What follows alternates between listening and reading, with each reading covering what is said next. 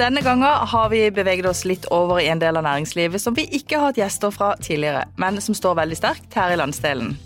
Vår gjest jobber i Det Norske Misjonsselskap og heter Ina Kjøstvedt. Velkommen til Fjellandsvenner, det hun sa. Tusen takk. Du Ina, du er daglig leder for det som heter NMS Gjenbruk. Det betyr bl.a. at du har ansvaret for 51 gjenbruksbutikker og et lysstøperi. Ja. ja. Uh, og de ligger fordelt over hele Norge. Uh, og gjenbruksbransjen det er jo en bransje som går så det suser. Men før vi kommer til det, så har jeg jo lyst til at vi skal bli litt bedre kjent med det. Så ser jeg at du har drevet med mye forskjellig. Du har vært i ganske så ulike bransjer. Du har bl.a. vært eiendomsmegler for DNB i Oslo og Kristiansand. Du er utdanna grafiker, og så har du vært fire år i sjømannskirka i New York.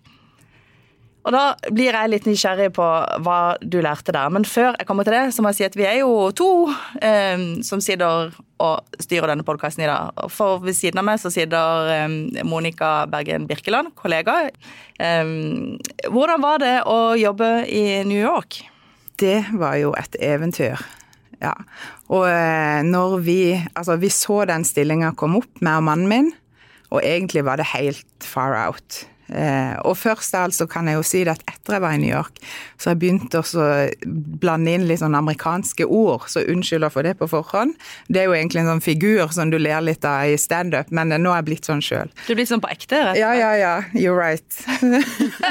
ja. Eh, nei, New York var et eventyr. Eh, og når stillinga kom opp, så tenkte vi ja, vi søker da, gøy det. Og når vi da fikk den, så går det jo ikke an å tenke at ja, vi kunne vært i New York. Så da heiv vi oss rundt, og så reiste vi med to små barn på ett og to år. Eh, knallgøy. Men du sier vi fikk den. Hva, hva, slags stilling var det dere fikk, og fikk dere en stilling på deling, eller? Eh, vertskapsstillinga i New York. Så mannen min er kokk, eh, og da skal du ha ansvar for vertskapet på Sjømannskirka. Alt fra eh, å ta imot eh, på eventer, eh, søndagsskole gudstjeneste, masse, ikke sant. New York er jo urbant og veldig mye expats som jobber der. Stor, de største norske firmaene har jo utsendinger. FN-delegasjonen er der, konsulatet. Så det var allsidig og traff så mye gøye folk. Hei, ja. Kan ikke du beskrive litt om hva du gjorde der? Eh, ja, hva gjorde jeg ikke? Nesten sånn. Eh, vi jobba jo Eh, to år først mens ungene var i barnehage, og da snakka vi mest norsk. Og de to siste årene liksom, eh, tenker jeg at jeg har mest igjen for sånn kulturelt, for da skulle ungene inn på private school midt på Manhattan. Så de gikk på eh, public school, nei, private school, der som Donald Trump var og stemte klasseskiller. Altså? Det var mødre i den klassen som eh, nesten ikke kunne prate med oss fordi at ikke du er på riktig level, eller altså, de klatrer jo stien og drar han opp etter seg. Så det er interessant å komme på innsida av det. Foreldremøtene, det er champagnelunsj på en rooftop, og det var helt natt og dag fra sånn som vi kom fra. Eh, så vi var jo to nisser i det. Og samtidig så venner du deg til det på en rar måte. Eh, og når en blir kjent med, eh, med, noen av de, så er jo det òg bare folk. ikke sant? Under fantastiske venner og gode bekjentskaper som vi har med oss videre i livet fra det. Så de to siste årene var mest interessant i form av at da snakka vi mer engelsk. Traff mer lokale. Ellers så er det omtrent eh, 2500 nordmenn i New York til enhver tid. Eh, turister, de som jobber der. Eh, ja, og opplevde mye da. Og så er det jo musikere. Ja, nå får jeg vann på mølla. Nå bare ler hun av meg, Birgitte. Nå prater jeg. Ja, det er bra. Men eh, det var et eventyr. Ja, det er gøy. Jeg så et intervju du hadde gjort i etterkant av oppholdet, hvor du skrev at, eh, eller hvor du sa at eh, du opplevde at amerikanerne kanskje var litt mer sånn på i forhold til jobb. Ja, de jobber jo mye mer. Det er andre forventninger. leder i USA, ikke sant. Du gjør som sjefen sier. Du går aldri fra kontoret før uh, sjefen din. Uh, så sånn er jo kulturen annerledes. Men det som er Vi reiste jo dit og kjente oss veldig norske.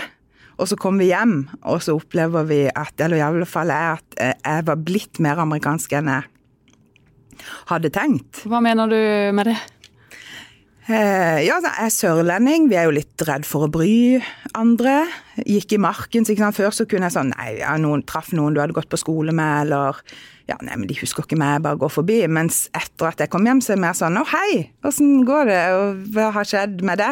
Og gjerne sånn Hvor har jeg det fra? Men det er noe, ikke sant? Mye mer frampå. Og så er jo amerikanere eh, Eh, altså, de heier på hverandre. Det kan virke det der hi, how are you? Altså, det er hyggelig, det kan virke overfladisk. Eh, men jeg, jeg, liker det at de liksom de heier andre fram. Og hvis du har greid noe å fortelle noe, så er det sånn good for you. Det er hver sin rett til å bare kave seg opp og få ting til, og ikke redd for å skryte av seg sjøl. Og det kan jo òg være at jeg har tatt med meg litt for mye av det i forhold til det sørlandske, men eh, jeg tenker at det er viktig at vi gjør skryter mer av det vi får til. Men overgangen fra å jobbe i en sånn metropol til å flytte hjem eh, Jeg vet at du har tatt over en gård eller et småbruk på Vigeland i Lindesnes. Ja, det stemmer. Ja, Og bor der med mannen og barna dine, og du driver med hest. Og, ja. ja. Det er jo et lite sted. Og så har du jo da begynt å jobbe i en ja, organisasjon som jo kanskje ikke er så veldig amerikansk, hvis en skal sammenligne det sånn i, eh. i, forhold til kultur. Og Åssen har, eh, har, det vært? Ja, vi flytta til Lindesnes fordi oldeforeldrene mine hadde småbruk der, som jeg har vokst opp med og vært på Ja, vi har vært der om somrene. Eh, og der er det jo mye amerikanere, og litt sånn amerikanske navn. Eh, men den kontrasten liker jeg veldig godt. Jeg tror eh, Sånn er jeg nok. Jeg kunne gjort hva som helst. ikke sant? Hvis jeg kunne tatt bussertifikat og kjørt buss. Jeg hadde elska det òg. Sånn, bare, bare det har noe med folk å gjøre. Du har mange kontraster i, i livet og i arbeidslivet ditt. Mm. Og det med at du jobber som eiendomsmegler, f.eks., det er jo et ganske sånn stort sprang fra det til å jobbe i, i NMS. Um, men var du eiendomsmegler før du dro til USA? Ja. Hmm. Hvordan likte du det i den bransjen? Eh, det var kjekt. Jeg er jo gammel svømmer. Jeg har, eh, jeg, har, nok litt for mye konkurranseinstinkt. Eh, så det passa bra. Og det var òg altså sånn, Jeg har aldri egentlig tenkt at jeg var selger, men så var jeg god på det. Eh, og kan, altså, opplevde at jeg fikk tillit hos kundene og gjorde det veldig bra. Eh, det er jo en krevende jobb, det òg. Jeg liker å jobbe, men på et tidspunkt så var det sånn nei, dette koster det mer enn det smaker. Da plutselig blir fritida veldig mye verdt. Eh, så for min egen del så var det bare på tide med et skifte og hoppe av karusellen. Og New York var jo ja, en slags pause, da. Men jeg, jeg må ha noen utfordringer i arbeid. Eh, og når vi flytta til USA, så husker jeg at jeg stokk. Når jeg så på visumet mitt, så sto det liksom 'misjonær'. Eh, fordi at vi får utstedt, i og med at vi jobber i Den norske kirke, så står det eh, 'reiser vi på misjonærvisum'. Så stokk litt sånn, så egentlig så er det jo litt paradoksalt at jeg da flytter hjem, og så begynner jeg i Det norske misjonsselskap. men så leder jeg den avdelinga som handler om gjenbruk. Eh, og der er det jo en kjempefordel at jeg har bakgrunnen min fra eiendomsbransjen og kan salg, kundeservice. Vi har 2500 frivillige. Eh, vi er seks ansatte, men alt driftes mer eller mindre av frivillige. Eh, men du skal ja, utvikle kjeden til å bli mer kundeinnstilt. Hver butikk skal oppleve at de er en del av en kjede. Eh, så det er veldig mye fra min tidligere jobb som megler som jeg tar med meg, eh, og som jeg tenker at eh, gjenbruk nyter godt av. Men sånn Helt konkret så holder du til på Sørlandet, og så driver du disse butikkene, eller ansvarlig for disse butikkene som ligger over hele Norge. Betyr det at du er mye på reise, da, eller? Ja, jeg reiser en del, og så har jeg et fantastisk team som òg er serviceinnstilt. Altså vår, vi yter service til våre frivillige. De må vite at de kan få tak i oss, at de får svar når de trenger hjelp til noe. Hver butikk har et styre.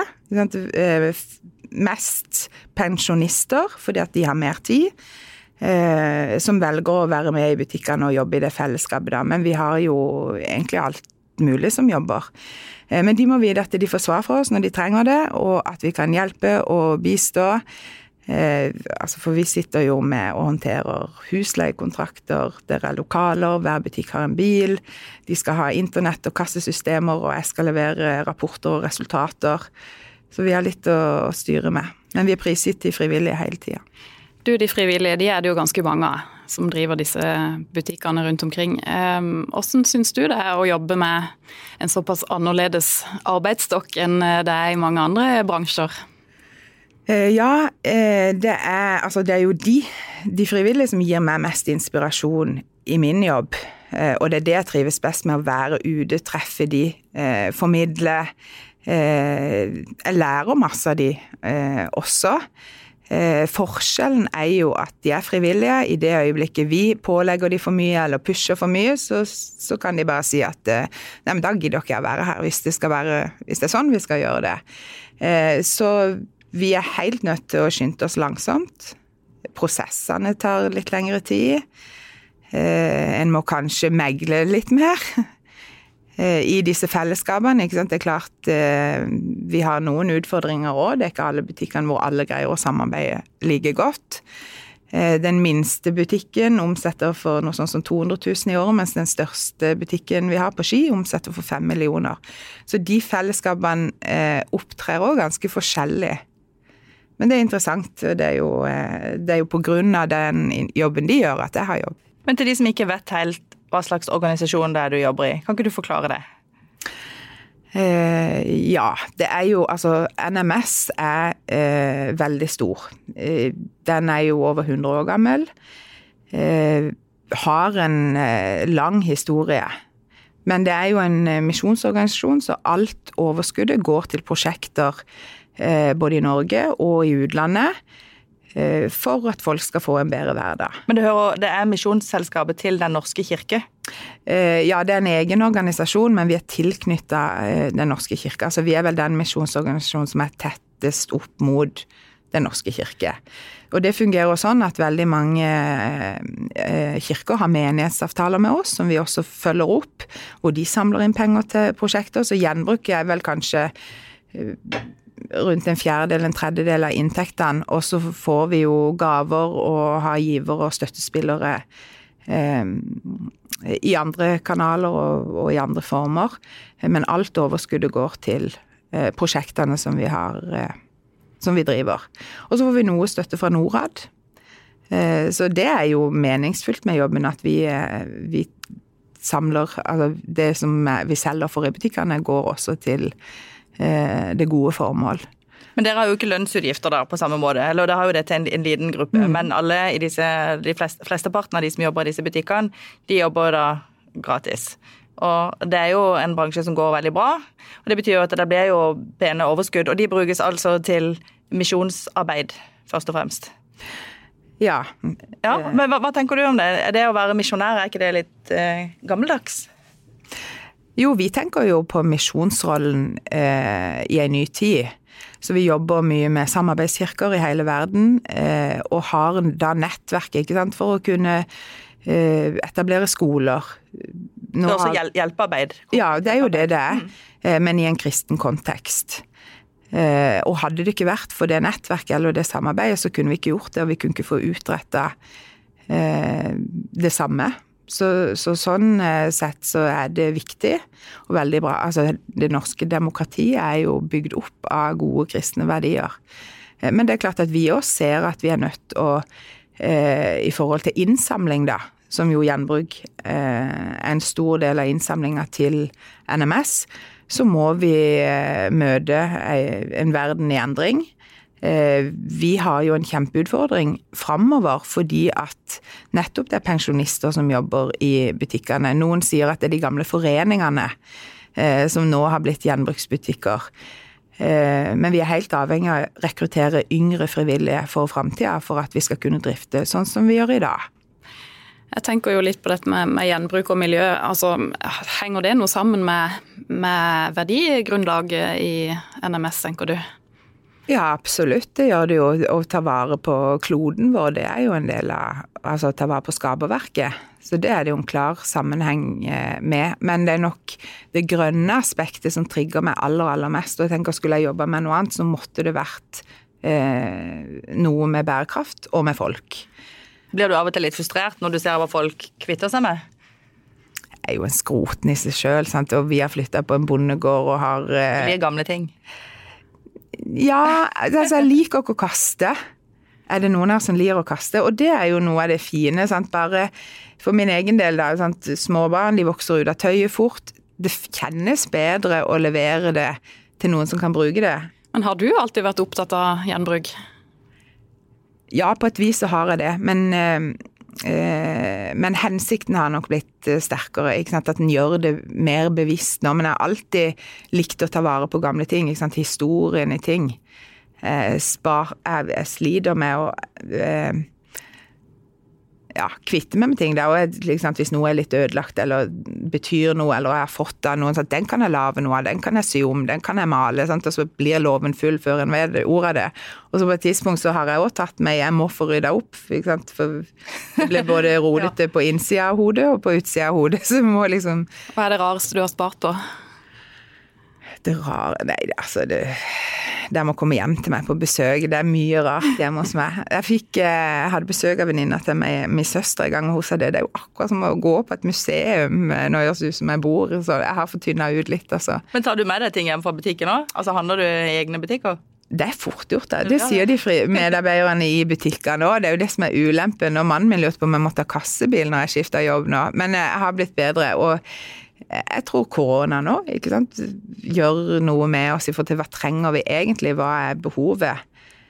Det rareste er at jeg har altså sånn jeg liker, Når jeg er i butikken, faller jeg for litt sånn styggfine ting, da. Sånne svære, gedigne glasshunder eller eh, Så jeg har kjøpt noe i en butikk hvor hun som sto i kassa der liksom Syns du den var fin? og så syns jeg det er gøy å gjøre om på det og bruke ting Altså at de får nye formål. Mm. Men du, eh, dette med verdigrunnlaget til Det norske misjonsselskap. Eh, tenker du at det er noen forskjell på å jobbe for en arbeidsgiver med et sånt verdigrunnlag som f.eks. Eh, i en kommune eh, eller i det private næringsliv? Ja, det er det nok, men jeg tror uansett bransje så er det forskjellige kulturer. Eller ukultur, ikke sant. Og i, når jeg var megler òg, så er det en kultur der. Der er det veld, veldig sånn heia, heia og ringe klokka når du selger et hus og eh, Og så er det noen ting i NMS òg. Eh, nå er jeg jo så heldig at jeg er leder, så jeg har mulighet til å påvirke eh, kulturen i eget team. Eh, og i ledergrupper som jeg er en del av. og hvordan påvirker du den, da? Eh, ja, jeg tenker jo at vi, vi må tenke mer kommers. Eh, det jo, har jo sånn historisk kanskje vært litt ukristelig å verdsette inntjening. Eh, men det er vi nødt til å ta med oss. Vi må liksom heie fram at vi, vi, må ha penger for å gjøre det arbeidet vi har lyst til å utrette. Så mammon det er liksom ikke noe, et skjellsord lenger? Penger er ok? Eh, ja, men jeg tror utfordringa til kristne organisasjoner, eller kristne generelt, altså at en blir fort satt i boks. Mm. Hva er det? Eh, hvorfor skulle ikke vi gjøre god business? Er det ikke en bra ting at overskuddet går til eh, for å hjelpe folk til å få et mer verdig liv eller en bedre hverdag? Så sånn sett så er det lett å forklare hvorfor man må ha det fokuset. Men det er en ting som jeg er litt nysgjerrig på, da, som også handler om det å jobbe i en eh, kristen organisasjon eller bedrift kontra en kommersiell bedrift. Sånn eh, helt kommersiell. Um, har man f.eks. Eh, bønn på møter? Ja, det skjer. Og det ser vi i For, Forretningsmøter, ja? Eh, internt så er det nok liksom Bønn er jo en, en viktig del av det å være eh, kristen. Og så tenker jeg at det er i større eller mindre grad. Og det er klart det er mange forskjellige altså Det er jo mer liberale eller mer konservative som jobber i organisasjoner, og som man møtes eh, på et vis. Vi ser forskjeller i butikkene fra nord til sør. Eh, de som ligger mer i bibelbeltet enn andre plasser. ikke sant? Også forskjell i kulturene. Så det å ha et styremøte der man ber en bønn, det vil ikke være helt unormalt i, i noen av disse miljøene? Nei, eh, men det er ikke alltid at det er en bønn. Kanskje det er et bibelvers, eller eh, av og til så kan det være en historie fra ens egen virkelighet eh, i mer en kristen kontekst, eller Altså det er jo ikke noe tvil om hva vi alle står for. Eh, for, for man må bekjenne seg til troen, man må være en kristen for å jobbe der det er jo ingen som Altså, du må ikke skrive under på noe, eller eh, Men det er nok forventa. Ja. ja. Mm. Altså et, eh, et godt eh, Altså en, en, forståelse av det, det tror jeg òg er viktig. Og så tror jeg vi har litt å gå på å lære av de som ikke er kristne, eller andre religioner. Det kan være det et litt vanskelig spørsmål, nå, men i hvilke situasjoner er det en fordel at det er så tydelig, et så tydelig verdigrunnlag, at det er så tydelig at dette er en, en kristen organisasjon. Og i hvilke situasjoner er det en utfordring når du skal drive business, da, sånn som du gjør? Jeg har lyst til å spørre deg litt, være litt, be deg være litt sånn eh, direkte på det, for det, jeg syns det er kjempeinteressant, akkurat det der. Eh, ja, og det syns jeg sjøl òg. For, for, det er jo klart at av og til så eh, skal vi gjøre business og samarbeide med kommersielle aktører, så er det jo ikke alle det er legitimt for. Og liksom da vil det bety noe om vi er en kristen organisasjon eller ikke. Og i større grad nå, for Gjenbruk sin del, så, så samarbeider vi bl.a. med Bærekraftsenteret i Kristiansand. Eh, leverer Altså vi ønsker det samarbeidet med kommuner. Eh, men jeg tenker at det er jo ikke nødvendigvis en motsetning. Hvorfor, en, altså hvorfor må det være de og oss? Det er det jo ikke. Eh, fordelen med det er nok at vi er, eh, blir sett på som en seriøs aktør eh, altså det er troverdig i forhold til når vi samler inn gjenbruk og omsetter for noe sånt som på et normalår noe sånt som 70 millioner, så er det troverdig at de pengene går, overskuddet går til eh, veldedig formål. Eh, så det er nok fordelen av det. Men, men, jeg tror generelt at vi har så mye å tjene på bare den der nysgjerrigheten på hverandre, da. Men kan det ekskludere noen også? Kan det ekskludere kunder, f.eks., eller kan det ekskludere frivillige som har lyst til å jobbe der, eller samarbeidspartnere, fordi de ikke har det trosgrunnlaget? Ja, Det er jo faren. Hvis det blir for mange like, eller uh, for uh, internt. Dette var jo tema i Sjømannskirka òg. Der skal det være åpne dører. På leseværelse. Hvis en sitter i ei gruppe og, og, noen kommer inn og ikke føler seg velkommen i det, uh, så er jo det det motsatte faktisk det vi skal være, og det vi skal stå for. Eh, og for meg sjøl så tror jeg vi, vi, må bare være bevisst på at vi blir sett på eh, på en måte eh, som krever mer av oss i å vise åpenhet og raushet. Og så er det Vi har alle noe å tjene på å bli kjent med hverandre da. Og, og sjøl så, så, ble jeg jo kristen som voksen og har liksom ja, jeg tror det er mange som kjente meg i russetida, som tenker at ja, det var rart at hun jobber i Misjonsselskapet. Eh, men så er det min historie, og det er jo det det syvende og sist for meg eh, lander på, at det er et personlig valg. Eh, og hvis jeg skal forvente respekt for mitt valg, og det jeg står for, så må jeg òg vise raushet rundt meg og til de som mener noe annet enn meg. Så for deg er det egentlig en fordel, tenker du, at du har en bakgrunn og du, både, du ser det kanskje både utenfra og innenfra, da? Ja, det, jeg tenker at det har jeg igjen for. Mm. Det er sunt. For vi snakka litt i forkant, så sa du at eh, ja, det er ikke sånn at alle trenger en Eller jeg spurte om utdannelse, så sa du at det er ikke sånn at alle trenger en master. Det er andre ting som er mye viktigere når man skal lede, enn å liksom ha papirer på ledelse. Hva, hva var det du tenkte på da? Uh, ja, altså det kan jo være at jeg liksom hva skal jeg si tar litt for lett på det. Men sjøl så erfarer altså jeg syns det er mye mer interessant med mennesker når du får skrelt av noen av de lagene, da. Men hvorfor er du en god leder? Er, Nå var det mange ja. spørsmål på en gang, jeg, Birgitte. Um, nei, jeg tror alle har jo noe å tilby. Eh, og det er bare du som er du, og vi er unike på hver vår måte. Og gir en folk en sjanse, så, så kan en få tett inn. Det er klart, du må jo ha en master hvis en skal utrette en jobb som det kreves. Men det hjelper jo ingenting med en master hvis ikke du evner å snakke med folk. Og iallfall ikke i vår jobb, når du skal ut, megle litt i konfliktløsning. Eh, en skal selge, en skal forstå liksom, det store bildet. For min egen del så må jeg heve blikket. Eh, og så tror jeg de i mitt team har stor frihet, men alltid liksom eye on the price. Målet der framme i forhold til strategier og sånn, eh, det holder vi på. Men veien dit kan være forskjellig. Og sånn er det nok i forhold til butikkene og styrene der òg, at de har stor frihet. Eh, men så styrer vi det og geleider de i riktig retning, da. Fordi at vi er en stor kjede, og vi er helt avhengig av å framstå eh, profesjonelt og som en stor kjede. Eh, og det kommer nok til å bli mer og mer krav til det i en så sterkt voksende bransje. Du har snakka om det at eh, kulturen kan være litt forskjellig forskjellige steder i, i landet. Eh, og så kommer du, og så skal du kanskje prøve å dra alle i samme retning. Eh, hvordan gjør du det? Eh, ja, vi følger jo tett opp butikkene og har jevne samtaler eh, med de. Og så har vi en strategi for eh, hvordan vi skal få disse tingene til. Med mer Eh, ja, altså Et godt eksempel som du spurte meg i stad, Birgitte, det er jo bare med prislapper. Nå har vi trykt, eh, eller I starten, når vi begynte med liksom å, å bli mer proffe, så trykte vi prislapper med logo.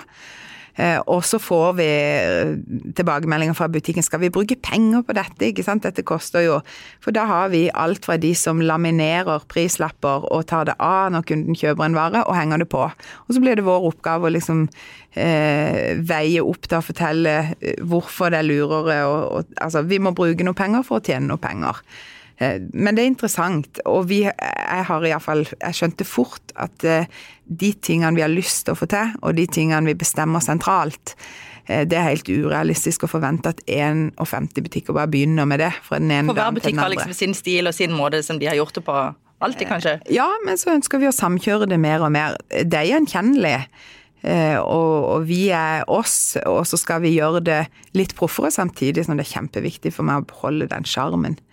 Hva er det som er sjarmen f.eks. her eh, på Sørlandet, i butikken her? Ja, Er det ikke sjarmerende når du kommer inn i en gjenbruksbutikk, og så står eh, disse medarbeiderne her og smiler og kanskje spør om du vil ha en kopp kaffe? Vi vil være mer enn en butikk. Eh, og en av de bæresøylene våre er jo denne møteplassen.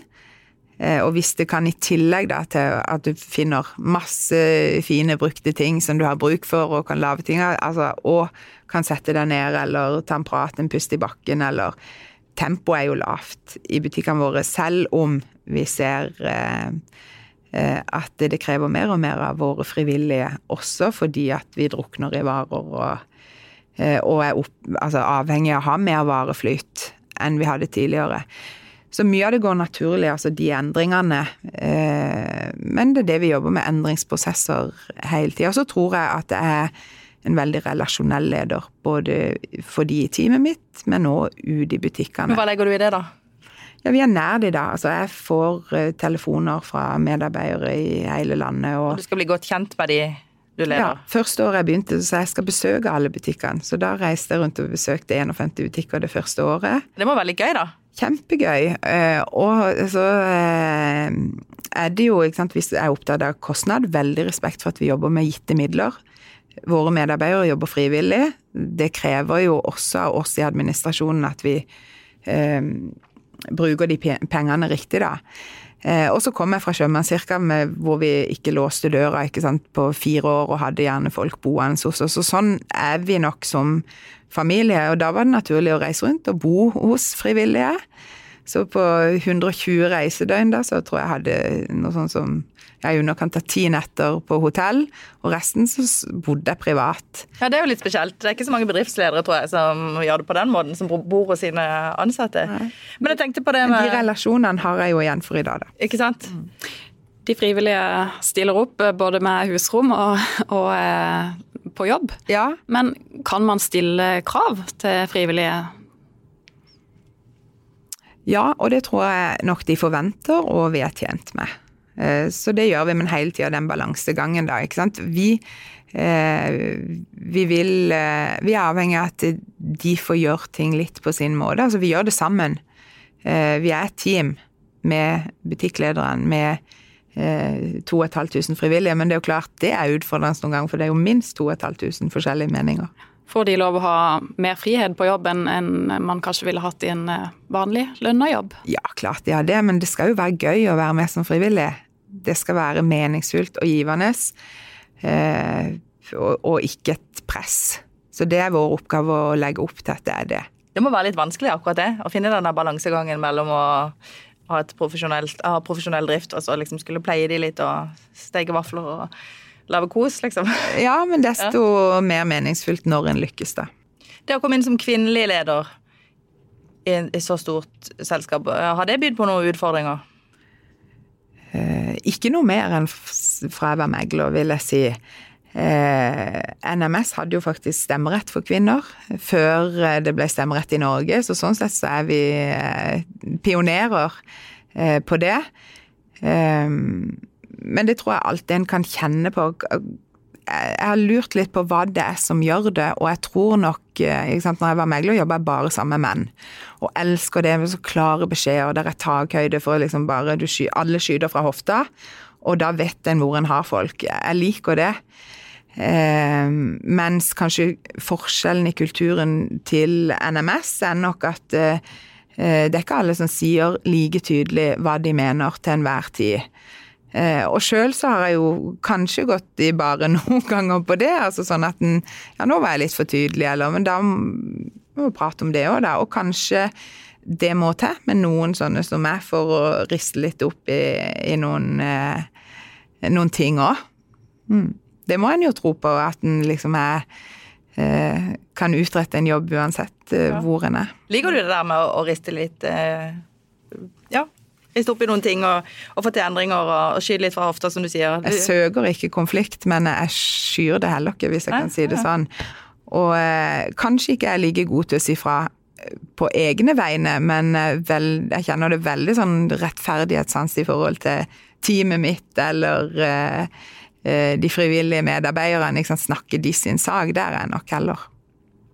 Du, Kundene i butikken, de regner jeg med er ganske mange unge. For det, det er jo som vi snakka om i stad, det, det, er jo litt inn det der med å handle, handle grønt og miljøvennlig. Mm. Eh, det kan jo fort bli en ganske sånn stor kontrast der òg, vil jeg tenke, mellom eh, organisasjonen og de som driver det, og de som jobber der, som gjerne er eldre, og kundegrupper. For, forstår, eh, forstår dere hverandre, eller forstår de hverandre?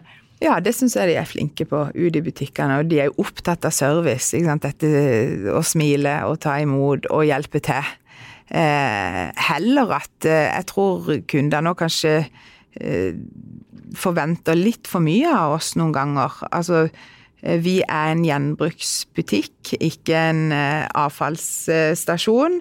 Det ser vi òg i større grad nå, at vi også blir utnytta i forhold til at folk bare Det er enkelt å bare levere til oss. Folk flest gjør Så kommer de med masse ræl? Liksom. Ja, rett og slett. Og det koster oss eh, veldig mye å kaste. Hvor mye kaster dere? Ja, vi snakker om mange tonn. Um, og det er jo rett og slett Vi er òg avhengig av å drifte godt i forhold til at Eh, ikke varene står for lenge i butikk, og at vi må ha god god vareflyt. Men når dere kaster det, det dette dere ikke kan bruke, det reelle som folk leverer, drar dere til gjenvinningsstasjonene med det, eller har dere avtale hvor dere sender det eller leverer det? Ja, det jobber jo også bransjeforeninger sentralt og politisk med for å få gode ordninger på det, men det varierer veldig. I Kristiansand er vi jo heldige fordi at uh, det er en uh, renovasjonsstasjon som har fokus på at det ikke skal koste noe å kaste. Men andre plasser er det jo kjempedyrt å kvitte seg med, med avfall. Uh, så vi er jo òg avhengig av å oppdra kundene, hvis jeg kan si det sånn. Men det blir vi flinkere og flinkere på. At de sier når vi får en telefon eller vil dere ha en sofa, ja hvordan ser den ut, kan du sende bilde? Og det er vi nødt til. Husleie er vår dyreste utgift. Eh, og den må vi forsvare. Eh, og der tenker jeg sant, det der eh, Vi må ha med oss businessen i det, og inntjeninga, og at vi i, i driften òg. Vi ser sånn som året i fjor var jo spesielt, men da var vi Vi måtte stenge ned 13. mars. Og i snitt på året så har vi hatt 60 av normal åpningstid gjennom året. Og så omsetter vi for over en million mer de månedene vi har åpent. Det betyr jo at det er mye større press på medarbeiderne når de er på jobb. Eh, og så er jo varetilgangen er helt enorm. Så det blir spennende å følge med videre. Altså, Økende kommer det til å bli, men kanskje noe av det er at folk har tid til å rydde i boder og på loft. Eh, men vi er helt avhengig av den gode vareflyten også i butikkene, ikke sant, for å, at ikke det blir flaskehalser. Eh, jeg tror vi kunne dobla lokalene i mange av våre butikker, og så er det bare snakk om uker, så hadde det vært like fullt i hele eh, lokalet. Så, så, vi må kaste mye. Men Du nevnte året som har gått. Det har vært korona, det er korona, og dere har i perioder måttet stenge butikkene. Nå har dere vel åpna igjen, men ikke med full drift, eller? Uh, ja, no, altså tilnærma lik der de kan. De følger godt med lokalt, og det er klart er der uh, smitte i områder, så stenger vi ned på dagen. Og alle våre, de fleste av våre medarbeidere er jo også i risikosoner, så derfor er vi ekstra forsiktige. Men til tross for at dere har måttet drive redusert og har vært mhm. nedstengt, så har jo resultatet blitt bra. Kan du si bitte mer om det? Ja, over all forventning så leverer vi jo faktisk bedre i 2020 enn i 2019. Eh, Pga. da tempoet og, og omsetningsøkninga som har vært når vi har vært åpent. Og så eh, fikk vi også på plass gjennom Virke og bransjeforeninga kompensasjonsordning for de eh, utgiftene altså i forhold til inntektstapet som vi hadde helt i starten når alt var nedstengt. Så det er rett og slett skikkelig god butikk å drive med brukt? Det er det. Du, vi har jo en eh, fast post i denne podkasten, der man får lov å fremsnakke noen som har vært viktige. Noen som har betydd noe i karriere eller karrierevalg. Ja. når man har møtt på sin vei. Hvem har du lyst til å fremsnakke? Ja, det har jeg tenkt på. Og det er min sjef i Sjømannskirka, Margat Glad, prest. Eh, nå jobber hun i Sjømannskirka i Stockholm. Eh, hun eh, har lært meg mye, og hun er også sånn som jeg kan ringe til nå hvis det er noe, eller men dette med å både involvere som leder, også og så er hun tøff, samtidig som hun er rettferdig. Så hun har jeg lært mye av. og så er det en annen person som jeg tenker sånn i forhold til, for jeg kjente jo litt på det sjøl, nå skal en være med på dette. Og jeg vet, ja, jeg byr på meg sjøl, og så er det alltid litt sånn angst etterpå, hvis jeg kan si det, når en tenker gjennom hva en har prata om og sånn. Men eh, eh, når jeg flytta hjem, så var jeg på et standup-show i Kristiansand, og jeg elsker standup eh, i New York òg, brukte jeg mye tid på det. Eh, og var på Lillian Røssak. Og da kommer jeg sant, som sørlending, flytter tilbake. Og så akkurat som det hadde skjedd så mye her i byen, og hun sto på scenen med det standup-showet på Kick, så tenkte jeg bare fy søren og tøft. Ja, det var kult. Jeg var også på det. Eller vi var også på det sammen, Monica. ikke sant? Så vi har sikkert sett den samme ja. forestillinga. Så det, ja. det, tenker jeg. Jeg kjenner henne ikke sånn, men det, da tenkte jeg ja, mer av det. Og eh, opp og fram og tørre å bare være forskjellig, og så må vi være rause med hverandre. Ja, det heier vi på. Mm. Mm. Du, Har du noen råd du har lyst til å dele? Nå var jo for så vidt dette også noen råd der med å tørre å, å være litt tøff og by på seg sjøl. Eh, ja. ja. Hvis jeg, jeg fikk jo lov til å tenke litt på det på forhånd, men jeg tror eh, iallfall det jeg må i, som leder i en organisasjon med frivillige, så kan en bli utålmodig og sånn, men desto viktigere kanskje å se seg tilbake og glede seg over det en har oppnådd. Så av og til når en tenker at det står på stedet hvil, Eh, så godt å se liksom Gå gjennom resultater og dra de fram litt og glede seg over det. Eh, det tror jeg er viktig. Eh, og så er det nok kanskje er det litt amerikansk å liksom heie litt på seg sjøl og, og tørre å faktisk si ja, dette, dette har vi fått til. Ina Kjøstvedt, tusen takk for at du ville være med i det hun sa. Selv takk, så kjekt å være her. Du har lytta til Federlandsvennens podkast Det hun sa med Birgitte Klekken. Har du tips til andre bra damer vi bør snakke med, eller har du lyst til å dele inspirerende erfaringer fra ditt arbeidsliv? Ta kontakt på dethosa1fun.no.